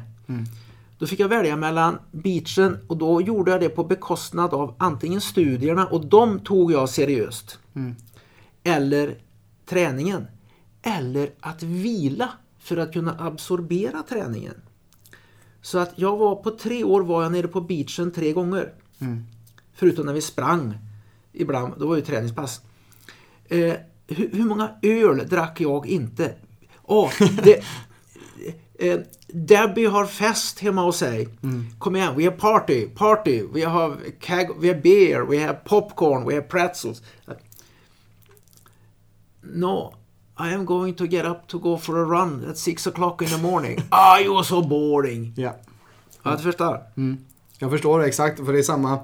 Jag tänker eh, på en, eh, faktiskt en, eh, en kille, som, eller en man som vann Mr Olympia eh, sex år i rad, Dorian Yates. Och han, han, han var liksom i Newcastle. Och eh, han var i ett skitet gym som var i botten på liksom någon, någon gammal industrilokal typ. Och så var det ju Schwarzenegger och alla de som var på just Muscle Beach, du vet, på, Ja. på, i Kalifornien. Och han var ju, där var ju alla som skulle köra bodybuilding och som ville bli någonting med Mr Olympia. De, de var ju där. Men de hade ju också alla de här distraktionerna med brudar och sol och bad och den här. Och så Dorian, han kom varje år, kom han upp från sin källarlokal i Newcastle. Eller om det, ja, jag vet inte om det var Newcastle kanske till, men någon liten stad i, i, i England. Och så kom han varje år, kom han ut. Han kallades också till Shadow, att han kom ut från skuggan. Och sen så visade han sina muskler en gång per år. Och sen gick han tillbaka Ja. och jobbade på hårt på sin dröm. För att han var villig att betala priset för det. Så det är väldigt intressant det här som Det du är det. säger att sakerna man måste säga nej till. Som vi också har våra klienter som vi jobbar med. Alltså om de vill gå ner i vikt, om de vill hitta bättre mående, bli mer stressfria. Så måste man också inse vad är det idag som tar min energi. Ja. I, i form kanske av tv-tittande, eh, ursäkter eller saker som stressar dem. Och vad kan jag istället, vad kan jag byta ut det mot och vad är jag villig att offra för att nå mina mål till en bättre livsstil, bättre kosthållning och eh, bättre rutiner så att jag mår bra i mig själv. Ja. Eh, Så att jätteintressant tycker jag det här eh, som du säger att och vad du fick också du, du var verkligen beredd att betala priset Ja. för det. Med, med, med att jag visste att där uppe i Debbies eh, dorm, så heter det. Mm. Jag hörde musiken. jag hörde skratten. Mm. Och jag gick... När jag kom hem från biblioteket där jag suttit och pluggat så hörde jag skratten och musiken. Men då hade jag kunnat plugga där i tre timmar. Mm. Det har alltid satt kvar tills de stängde biblioteket. eh, Där. Eh, och... Eh, eh, ja. Det ångrar jag inte. Nej. För partyt hade förflyktigats. Men det jag lärde mig av att sitta och plugga i tre timmar i en litet bås på biblioteket, ljudisolerat var det med sån här eh, fantastiskt enkelt var det också där. Sitta där. När jag gick upp, okej, nu har jag fick, fått mina tre timmar. Jag har suttit mellan klockan halv sju till halv tio. Och nu dunkar musiken. Och nu skrattar de. Oj då, var inte en som gick ut och kräktes också där va? Där. Men jag ska upp och springa imorgon bitti. Ja, precis. och, och, och det priset som du var, var villig att betala där tycker jag också är intressant när jag också hörde i Framgångspodden just det här du sa att du tyckte att du var, jag tyckte inte alls att det var kaxigt det du sa eh, kring att du har inte blivit den personen som ditt yngre jag kanske hade sett upp till eller velat bli. Och det, det är mycket det som det, jag går under, ungefär i samma tankar själv för att jag var själv kom från en en eh, barndom där jag hade mycket ångest, prestationsångest och trodde aldrig jag skulle lyckas med så mycket saker. Eh, och jag hade behövt en person som jag är idag för att hjälpa mig komma mer på banan och som en mentorsfigur. Ja. Så på mycket, mycket av det som jag gör för att hjälpa andra med sin hälsa, det gör jag mycket för mig själv, för den yngre versionen av mig själv, lite som i självkärlek. Ja. Och, och jag tycker det är intressant att det, när jag hörde det från dig också, Ja. just den här aspekten att jag blev den personen som jag själv behövde när jag var yngre. Jag tror aldrig jag har sagt någonting kaxigare i hela mitt liv än att om det, om, jag, om, om det hade funnits den Rune Larsson när jag var 15 år, Mm. som jag är idag, eh, så hade han varit min överlägset största idol i livet. Mm. Eh, faktiskt. Det, det är brutalt att säga det. ja, då, som tror de att man är, det är någon slags egen kärlek. Men jag visste vad jag hade för ideal när jag var 15 år. Jag beundrade eh, de som gjorde de här grejerna som inte bara massproducerades. Va? Eh, Man får kalla det för massproducerat. Som bara sprang 10 000 meter och 10 000 meter och 5 000 meter och 10 000 meter. Han gjorde andra grejer också. Jag vet att skidåkaren Vegard Ulvang hade blivit min idol när jag var 15 år. Om han hade varit, han var ju, vann ju OS i, vad, det, vad hette det där, i Frankrike. Varför har jag glömt bort? Vinter-OS 1992. 92? Ja, han så nyligen. Eh, bra fråga. Ja, varför kan jag inte det? eh, ja, men i alla fall. Det var ju 92, sen blev det 94 för de Ja, försköt ju det. Va? Ja, ja. Det var, ja, men han var ju en av världens bästa skid... Han var den allra bästa. Det var nog Björn Dählie som vann of, mer ofta. Mm, mm.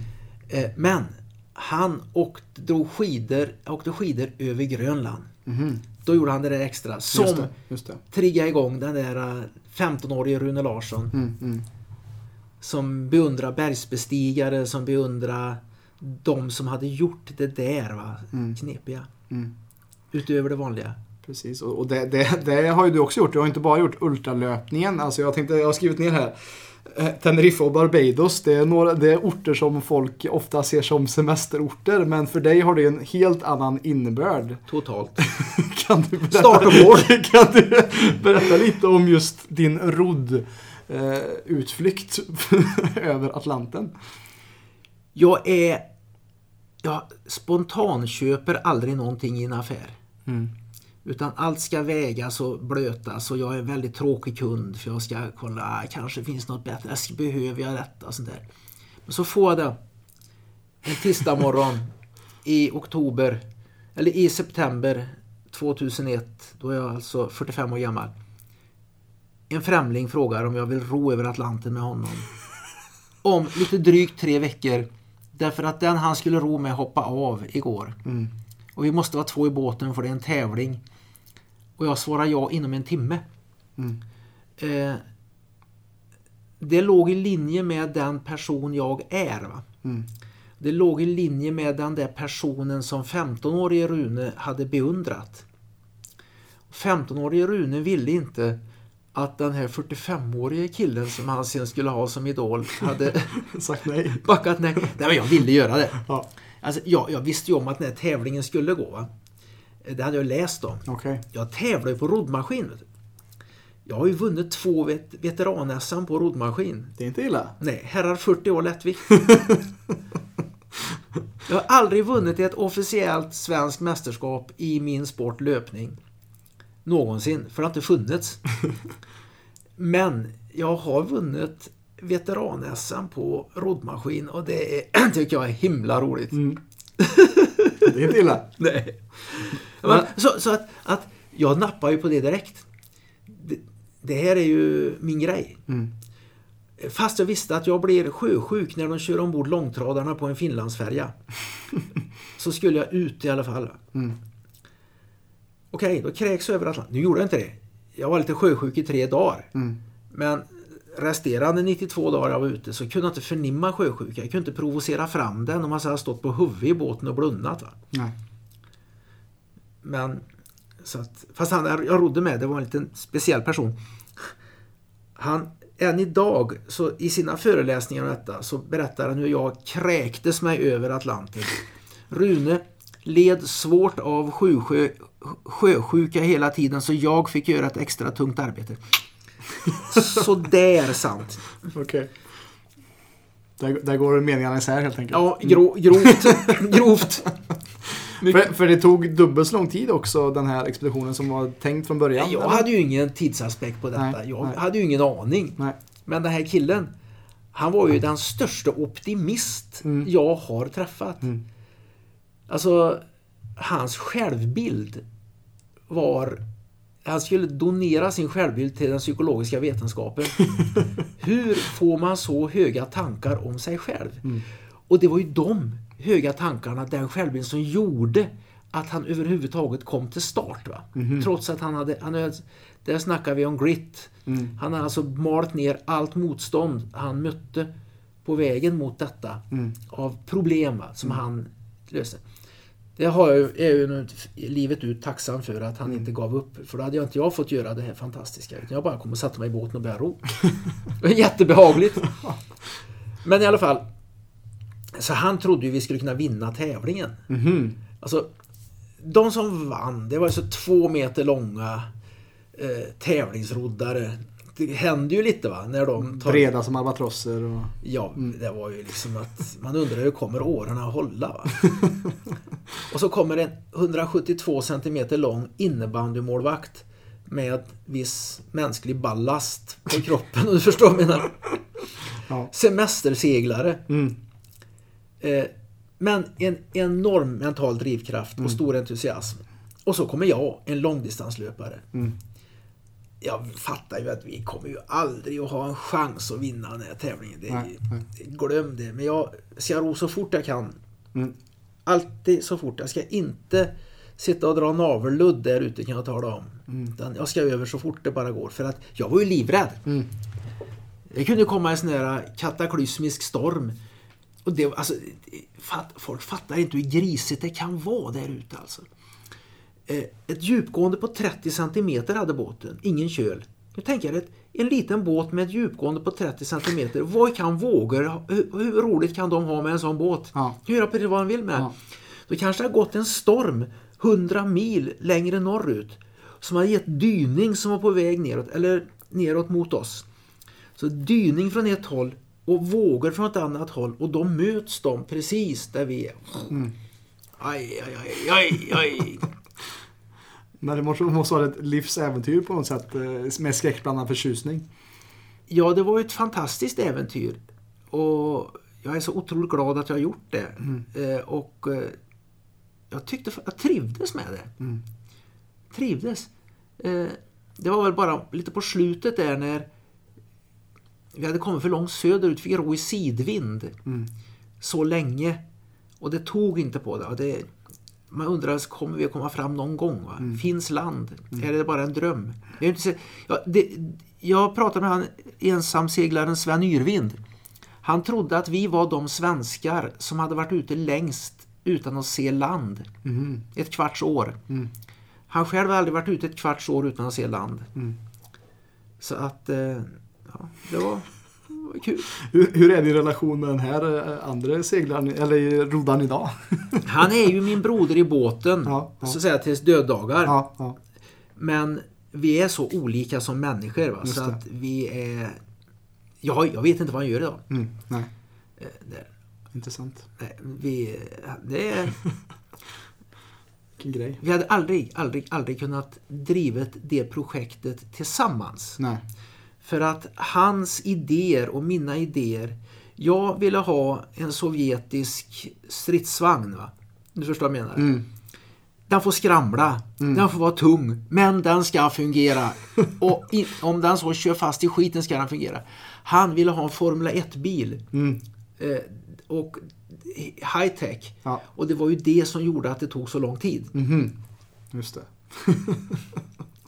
Jag hade hellre rott med en sovjetisk stridsvagn än en Formel 1-bil. Exakt. Ja. Man har fått göra om det. Ja.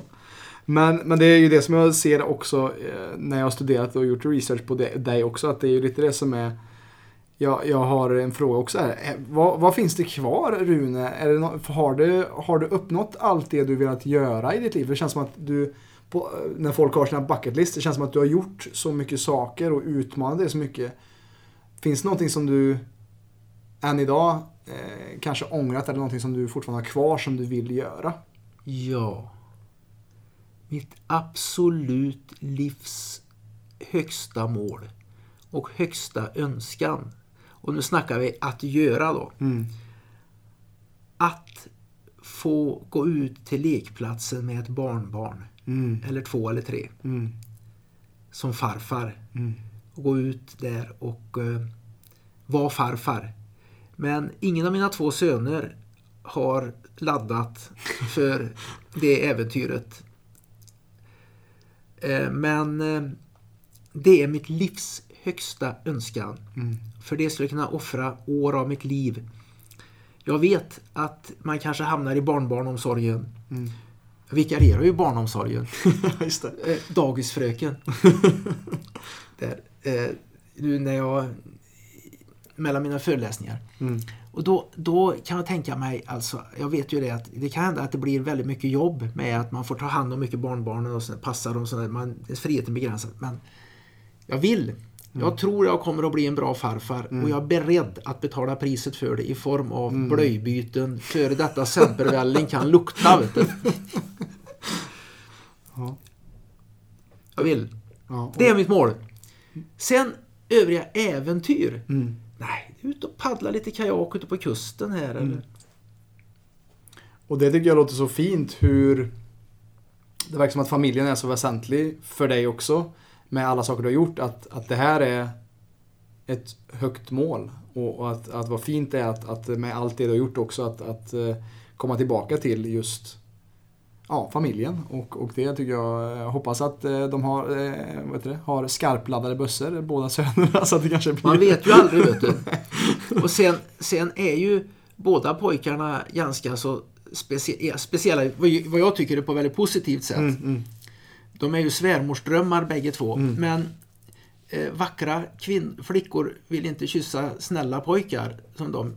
Jo, men det kanske de gör. Men, men alltså, eh, ja, Zacharias, den yngsta, han är 27 år nu. Mm. Han studerar på ett universitet nere i Poznan i Polen.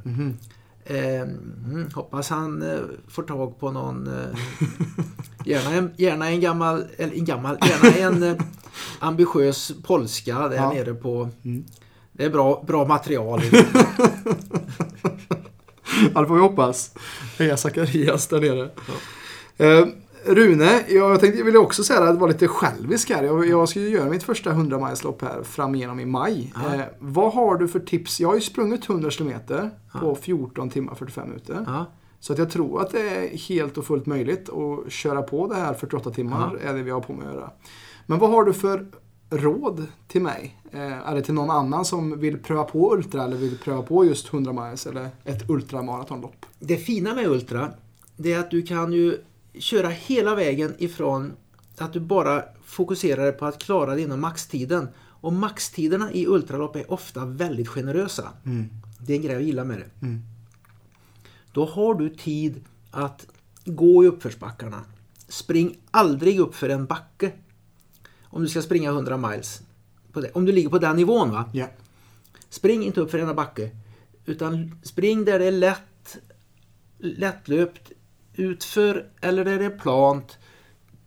Gå upp för. För när, när du går upp för då byter du rörelsemönster. Mm. Och du utmanar liksom inte kroppens ämnesomsättning så att du måste bränna på mer. Då. Eh, du kommer att stöta på problem. Det är en del av showen så att säga. Mm. Du kommer kanske att bli dålig i magen. Man blir det.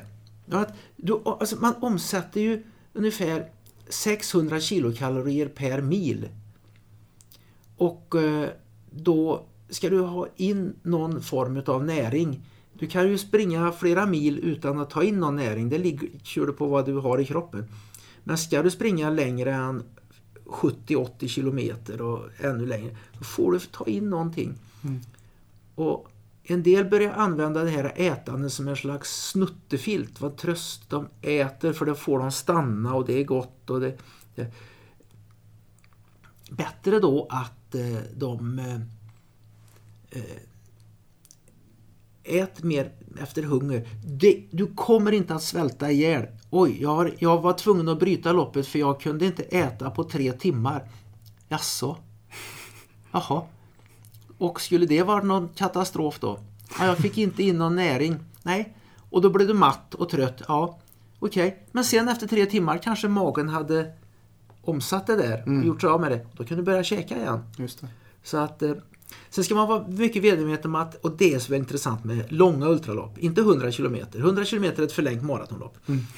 Men långa ultralopp, att psyket och kroppen går i, följer sinuskurvor så här va. Ja, ja. Det, va? Så. Och nu är jag en uppkurva, nu går det lätt, nu är jag pigg. Då ska man eh, då ska man veta det att oj, nu är jag på väg ner, nu går det dåligt, nu är det, det bara elände. Mm. Men det, på, det, kommer att gå upp. Ja. Och sen kommer du att tvivla på dig själv. Mm. Du kommer att se de här vid målet där. Och de, de, de, springer inte. De har det så bra. De står bara och langar ut vatten. och där. Tänk att ah, men, jag vill bli sån jag också. Jag vill också bli en sån som står här vid målet. som står där och eh, bara tittar på. Varför gör jag detta? Mm. Då ska vi säga, jaha, där kommer ett sånt där tvivel. De är standard, de kommer. Det var ett mm. tvivel. Bort med tvivlet. För att det här har ett mycket högre värde, det jag gör. Sen salt, också viktigt. De flesta av oss behöver ta in salt. Yes. Alltså salt. Mm. Alltså salt, de flesta behöver ta in salt. Och alltså, vi, du, man svettas ut så mycket.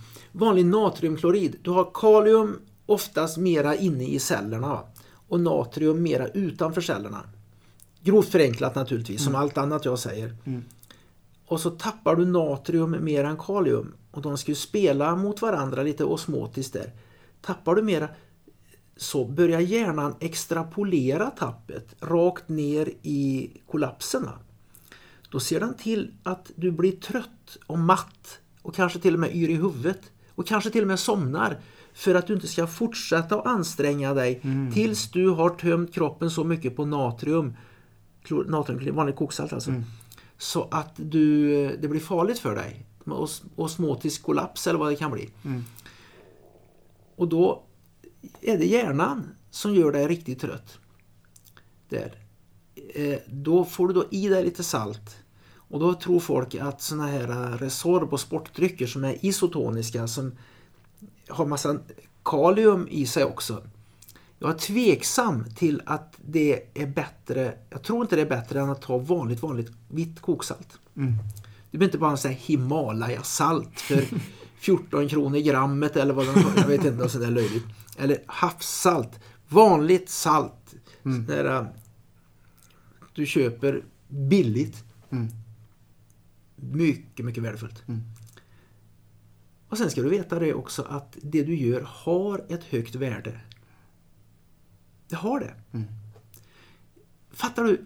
Jag nu vad jag skulle ge mycket för att kunna springa ett 100 milslopp. Men jag kan det inte.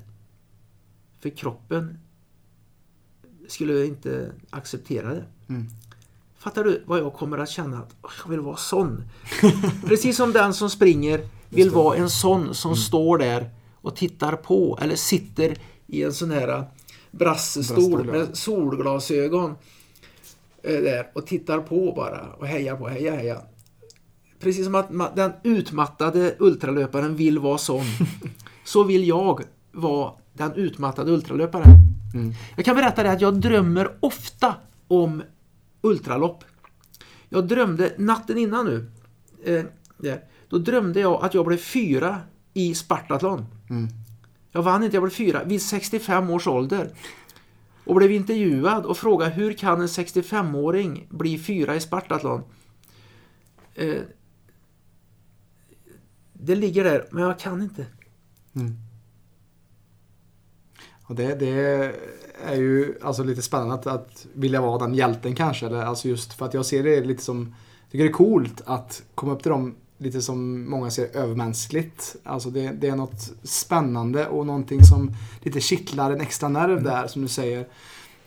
Och också lite vad som du säger, jag tycker det är så intressant för jag ser också ultralöpning och alltså långdistanslöpning också som ett sånt perfekt praktexempel på också en liknelse till livet. Ja. Som du säger, tvivel kommer komma, det kommer gå upp och ner, det kommer vara jobbigt, det kommer vara tufft, du, ibland måste du gå i uppförsbackarna.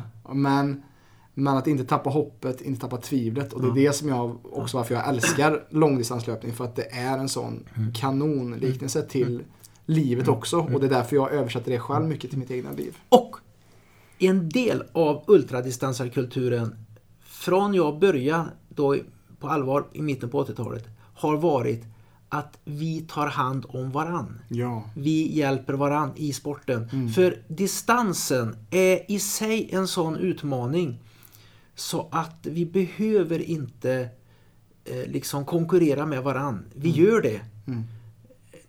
Men ändå tar vi hand om varann. Ja. Där på ett helt, och det går i ett lite lägre tempo än ett, till exempel ett maratonlopp. Mycket lägre tempo ofta. Eh, och då har vi också tid att ta hand om varandra Och vi har tid att prata, att utbyta livserfarenhet. Ja, alltså, jag sprang med en ungersk löpare som inte kunde någon engelska och jag kunde ingen ungerska. Vi sprang alltså och pratade eh, där han på något ungerskt språk och jag på något svenskt språk. Och där. Vi sprang och pratade. Jag undrar, vad, vad, vad sa vi till varandra? Jo, berättade vi att jo, nu, ska, nu vill jag... Nu tog jag några chokladkex på den kontrollen där och de var goda men jag blev torr. Hur sjutton... Hur kom det sig att vi... Vi pratade vi hade ju inget gemensamt språk. Nej, ändå förstod ni varandra. Ja, Ja. ja visst är det Ja. härligt? Alltså just hur, hur det kan förena och förbrödra Ja. just, just kampen som du var inne på tidigare också. Där. Och han och jag använde oss av varandra. Mm. För att vi hade kunnat vara, ja, jag hade kunnat ligga 70 meter framför honom. Mm. Istället så använde vi oss av varandra under en fas i loppet. Mm. Och sen tror jag att han stannar längre på en kontroll än vad jag gjorde. För jag är alltid snabb på kontrollerna. Och det är ett råd också. Mm. Eh, lägg inte så mycket tid på kontrollerna. Lägg dem istället ute på banan. Mm. Att gå uppförsbackarna. Sen ska du vinna loppet. Då går du inte några uppförsbackar. Då bara du brakar på. Alltså, ska man vinna ett ultralopp, Mm. då hinner man inte gå. När jag sprungit Spartathlon då, 246 kilometer. Mm. Det är en del väldiga berg och backar där. Spring. Och Det är en häftig... Man har inte att, tid. Att kunna springa i... Ja, man springer inte hela tiden då såklart, men Jo. 24 mil. Eh, 246 kilometer. Man springer mycket. så gott som hela tiden. så gott som hela tiden. Ja, ja. ja. Oj. Och på kontroll, det är någon backe som är för brant för det ska vara ekonomi att springa upp för dem. Mm. Men sen på kontrollerna så är det greppa, stick, drick. Mm. Inte stå still, drick, så här, ställ ifrån dig muggen och sen går du. Utan greppa, stick, ta dig i flykten. För alla dessa kontroller, alla dessa möjligheter att stanna, eh, det adderar upp till många, många minuter. Och, sånt. och då är det bättre att man lägger det på att eh, när det börjar ta emot att man går upp för någon backe istället. Just det. Ja, det, det är... eh, Det finns många tips och tricks som du har och den med den erfarenheten du har också. Eh, och jag vet inte riktigt vad vi ska gå vidare härnäst, men eh, vad, vad ser du? Eh, vi kan väl ta här. Ultralöpning, vad ser du för framtid? Det känns som att du är lite pionjären för ultralöpningen här i Sverige. Var, vart ser du ultralöpningen på väg? Jag har ju sett hur det förändrades. När jag började, då var det till exempel då var det väldigt, väldigt få lopp. Men då var alla där. Eh, då var det 100 km lopp, 24 timmars lopp, några 100 miles som jag faktiskt aldrig sprang något renodlat. Och så var det Spartathlon. Det var det som fanns. Eh, och det var ju det att i alla. Och sen så kom ju de här eh, bergsloppen då, Ultra. Och det drog väldigt mycket, det drog ut mycket folk som annars inte skulle kanske sprungit Ultra. Och sånt. Så att, att jag har ju sett mycket utveckling. Jag tror att eh, jag hoppas att Ultra kommer att eh, bestå som en sport som väcker intresse och som det anses som en värdig utmaning att ha gett sig på. Mm. Eh, det jag tror och hoppas, på sätt och vis både hoppas och inte hoppas, det är jag kluven. Vi har ju varit amatörer, va? rena amatörer. Så att alla vi bästa, utom några få, har ju haft heltidsjobb. Mm. Och de flesta av oss har haft rätt kvalificerade heltidsjobb. Jag har ju bara varit lärare. va. Men det har ju varit mycket, mycket mera professorer och eh, hjärtkirurger och allt möjligt. Ser man på vilka som har vunnit Spartathlon så är det alltså aktiva hjärtkirurger. Aktiv, Marcus Talman, österrikare, vann Spartathlon. Han var så bytte klaffar och kranskärl och sånt. Ja. Alltså förstår att jag tror att om det kommer professionalism in då kommer också resultatnivån att gå upp radikalt. Mm, mm. Och eh, professionalismen har ju kommit i de här bergsultrorna. Och, men då, det kan man ju liksom inte se mätbara resultat. Men på 100 kilometer och på 24 timmar och sånt kommer professionalismen in där. Mm. Då kommer resultatnivån att gå upp direkt. Så att du inte måste jobba heltid och samtidigt åka, träna för den som är så krävande träning. Mm. Då kanske sporten också får en mer acceptans till exempel inom eh, fri, förbundsnivå. Just det. Eh, ja. Sen kanske också kommer något annat med professionalismen. Mm. Nämligen en, eh, att folk börjar tävla om pengar Mm. och sponsorkontrakt. Och det är inte alltid att, då kanske vi inte alltid tar hand om varandra. va? Nej, just det. Den här förbrödringen, det här kompiskapet att men jag behöver inte springa så fort just nu. Därför att han, har, han behöver mig. Mm. Nu är han inne i en dålig fas. Vi kan göra följe här. Mm. Så, eh, det kanske blir mera dog eat dog. Va? Just det. Eh, och doping. Mm. Och eh, en felaktig kommersialisering. Och att löpare blir liksom ägda av sponsorer som blir en rovdrift på dem. Och det här vackra som är med det. Maratonlöpning har ju klarat sig. Genom den fasen. Mm. Det är fortfarande en vacker sport. Va? Det har kommit en del doping naturligtvis där också men det har ju inte varit alls Nej. något märkvärdigt. Mm. Längdskidåkning. Den gamla skogshuggarsporten. Precis. Ja, det, det, är, det är intressant att följa och vara med i, i det också och se hur det växer. Så bara sedan jag har börjat springa också känner jag Ja. att det ökar. Och eh, jag tror att svensk ultralöpning hade inte varit densamma utan dig Rune faktiskt. Så att eh, ehm, jag vill, eh, jag vill tacka dig faktiskt för, eh, för den inspiration du har gett mig i mitt liv och via den här boken Löpar eh, glädje. Eh, och eh, också till alla andra som du har spritt eh, ditt budskap kring löpning. Att, att göra det enkelt och roligt och ha kul med det. För att det är det som, när det kommer ner till essensen av det, så känns det som att det är det som är kontentan för mig, mycket av det som du Ja. säger. Eh, och jag vill också tacka dig för att du har varit PLC-poddens första gäst. Oj, Eh, och eh, jag har ju faktiskt eh, presenter här. oj, oj, oj. Sveriges bästa motionsspår. En, Åh! en bok eh, gjord av eh, några av mina kompisar faktiskt. Ja. Filip och Oskar. Det är du. Och sen en alldeles egen Ragnar som vi snackade om i... eh, i eh, Ragges runda. i, farfars här. Nej. Det, jag har ju också arrangör till en löpartävling som heter Ragges runda. Jajamän. Så att du har ju inte sprungit än, men jag ger dig i alla fall en t-shirt som tack för att du har varit med här och eh, du får gärna kanske springa, springa runt här i Sveriges motionsspår. Kanske har du varit i många utav dem, vem vet? Nej, De kontaktar ju mig vet du, och frågar Okej. om det var till Trollhättan. Ja, ja, ja. Och Ragges runda. Jag var ju, åkte ju upp till Kärrtakan en gång för, jag tror 2017 på hösten Mm. eller något sånt där. För att leta efter den här le, Leden ja, just leden. det. Ja, ja. Men jag letar ju norr om gårdarna. Okej, och den ja. låg ju söder om visade sig. Just det, precis. Sen när jag hade letat färdigt och skulle åka hem, då hittade jag den. Ja, okej. ja, du, du, får varmt, du är varmt välkommen att komma och springa med mig helt enkelt så kan jag visa er runt. Ja. Den är en väldigt trevlig skogsrunda. Eh, och eh, innan vi avslutar Rune, vart hittar man dig och vart hittar man mer om dig ifall man vill komma i kontakt med dig? Jag har ju en hemsida. Eh, Löpar-Larsson. Mm. Eh, loparlarsson.se. Då hittar man mig. Mm. Eh, och sen brukar jag säga att sök på Rune Larsson. Jag är den riktiga Rune Larsson, de andra är bara wannabes. och det finns de som tror att jag menar allvar när jag säger det. Ja, ja. Man ska akta sig för att skämta. ja Om sig själv. Eh, nej, men det är alltså min hemsida. Söker man på Rune Larsson på Google så kommer man upp den gamle häcklöparen. Mhm. Rune Larsson. Eh, som eh, 400 meter häck. Han vann, han fick det här eh, Svenska Dagbladets bragdmedalj någon gång på 50-talet. Och så står Rune Larsson friidrottare och så står det Rune Larsson ultradistanslöpare. får du välja där. Mm. Du väljer ultradistanslöpare. så att en gång så, han var med i friidrottens främjare den där Rune Larsson. Okej.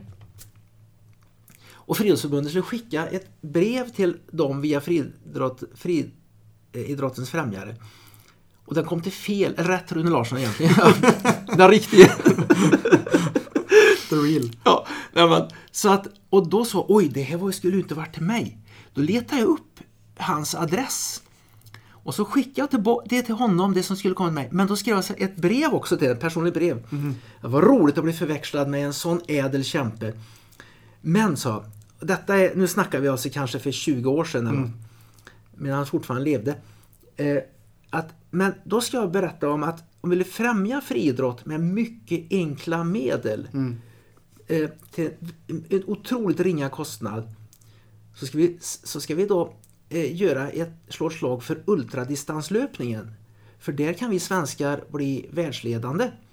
Och allt som behövs för det, det är att Friidrottsförbundet samlar in våra bästa resultat och publicerar statistik. Och det kommer ju motivera löpare att hamna i statistiken. Va? Bra löpare. Att vi får ha officiella svenska mästerskap på 100 kilometer. Och att vi får representera Sverige vid internationella mästerskap. Med allt vad det innebär. Något mer behöver vi inte. Sen tar vi hand om resten själva. Då fick jag ett svar då. Tack för att du förmedlade. Ja, ultradistans. Ja, det dyker upp så många nya konstiga sporter nu för tiden.